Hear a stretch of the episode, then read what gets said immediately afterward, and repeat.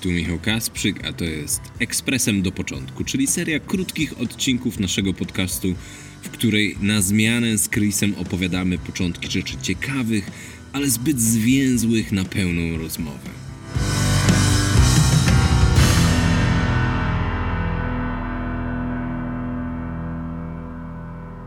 Kilka odcinków temu zaprosiłem eksperta do naszego podcastu. I ekspert ten mówił tak ciekawie i tak dużo, że z bólem serca musiałem zdecydować o wycięciu części materiału z odcinka. Ale na szczęście mamy nasze krótkie odcinki, dzięki temu ten materiał mogę umieścić właśnie tutaj. Posłuchajcie więc w dzisiejszym ekspresie naszego eksperta, Dawida Tymińskiego z Dandikor. Dawid, jaki jest dzisiejszy temat? Krawat, znienawidzony przez wielu, hołdowany przez dandysów. Pełni funkcję estetyczną y, i jeżeli by sięgnąć do historii, to już można byłoby pierwowzorów krawata szukać w czasach antycznych, starożytnych. W antycznym Rzymie na kolumnie Hadriana są pokazani najemnicy na usługach państwa rzymskiego, którzy mają przewiązane fantazyjnie takie właśnie chusty.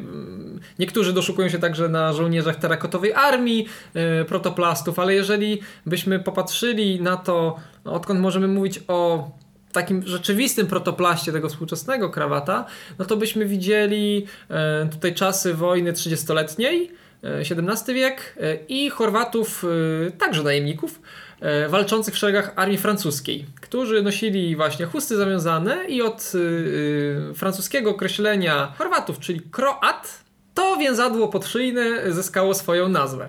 E, przy czym oczywiście Francuzi zreinterpretowali to i zamiast używać takich płóciennych tych chustek, no zaczęli używać takich bardziej szlachetnych materiałów, już właśnie jakiś jedwabi, e, tego typu.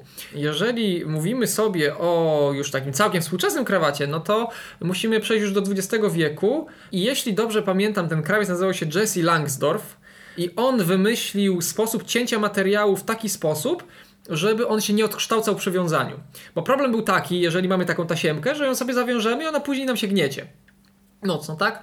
E, Baubrummel był znany z tego, że dopóki nie miał perfekcyjnie zawiązanego, to potrafił kilkadziesiąt tych takich y, y, pierwotnych krawatów wyrzucić do, do, do, do prania, czy tam do przeprasowania, zanim nie, nie zawiązał. I to było tak, jak się wiązało, rozwiązywało, no to trzeba było to albo właśnie wyprać, przeprasować, bo, bo, bo po prostu ten materiał nie dawał rady. A Jesse Langsdorff chyba w latach dwudziestych wymyślił sposób cięcia pod skosem, który y, sprawiał, że ten materiał nam się nie gniótł, no i to jest ten krawat, który my znamy dzisiaj. A pierwotnie prawdopodobnie te chusty po prostu miały za zadanie chronić przed chłodem. Ot i cała geneza. Dzięki, Dawid. A jeżeli chcielibyście posłuchać pełnego odcinka z Dawidem, odcinka o garniturze, to będzie on zlinkowany w notatkach do tego podcastu.